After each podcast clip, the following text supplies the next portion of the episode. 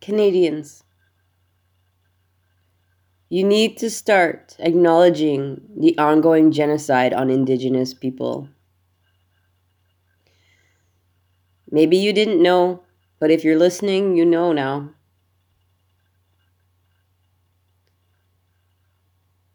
Have you heard of murdered missing Indigenous women, girls, and Two Spirit?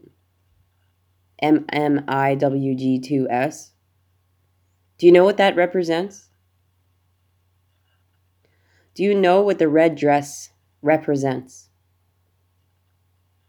Genocide. Do you know what that means? The deliberate killing of a large number of people from a particular nation or ethnic group with the aim of destroying that nation or group. Genocide. Say what it is. Say it with me. Genocide.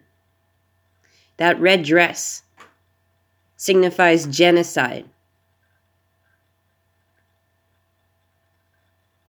I don't think enough Canadians are aware of the ongoing genocide on Indigenous people. Genocide is a crime under international law.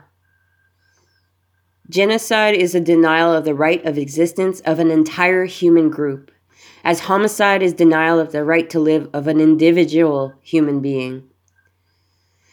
Such denial of right of existence shocks the conscience of mankind, results in great losses of humanity in the form of cultural and other contributions represented by these human groups, and is contrary to moral law and the spirit and aims of the United Nations. Many instances of such crimes of genocide have occurred when racial, religions, political, and other groups have been destroyed, entirely or in part. UN Resolution 96 1. You might want to say, but I'm not racist. Sure. Maybe you're not racist, but your government is. In whose interest is it to have indigenous people obliterated from Turtle Island? In whose interest is it that indigenous cultures disappear? That indigenous people disappear? In whose interest is it?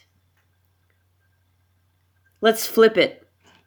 What are indigenous people saying? What are indigenous people doing? Let's flip it. What do you know about Canadian history in Canada as it pertains to Indigenous people. Have you ever asked yourself why it is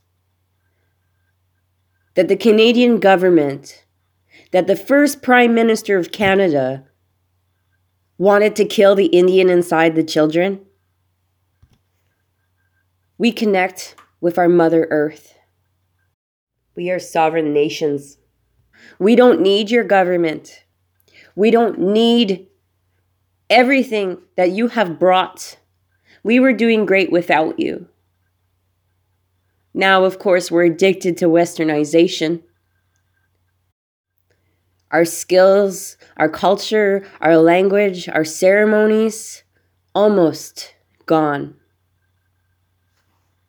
So, in whose interest is it to have indigenous people disappear from Turtle Island? It's in corporate interests. Do you understand? Corporations using the land as resources, using the animals as resources, using our water as resources, the fish. Go, look this up right now. Look at what's going on in so called Canada. From ocean to ocean, d'un océan à l'autre, a mari usque ad mare.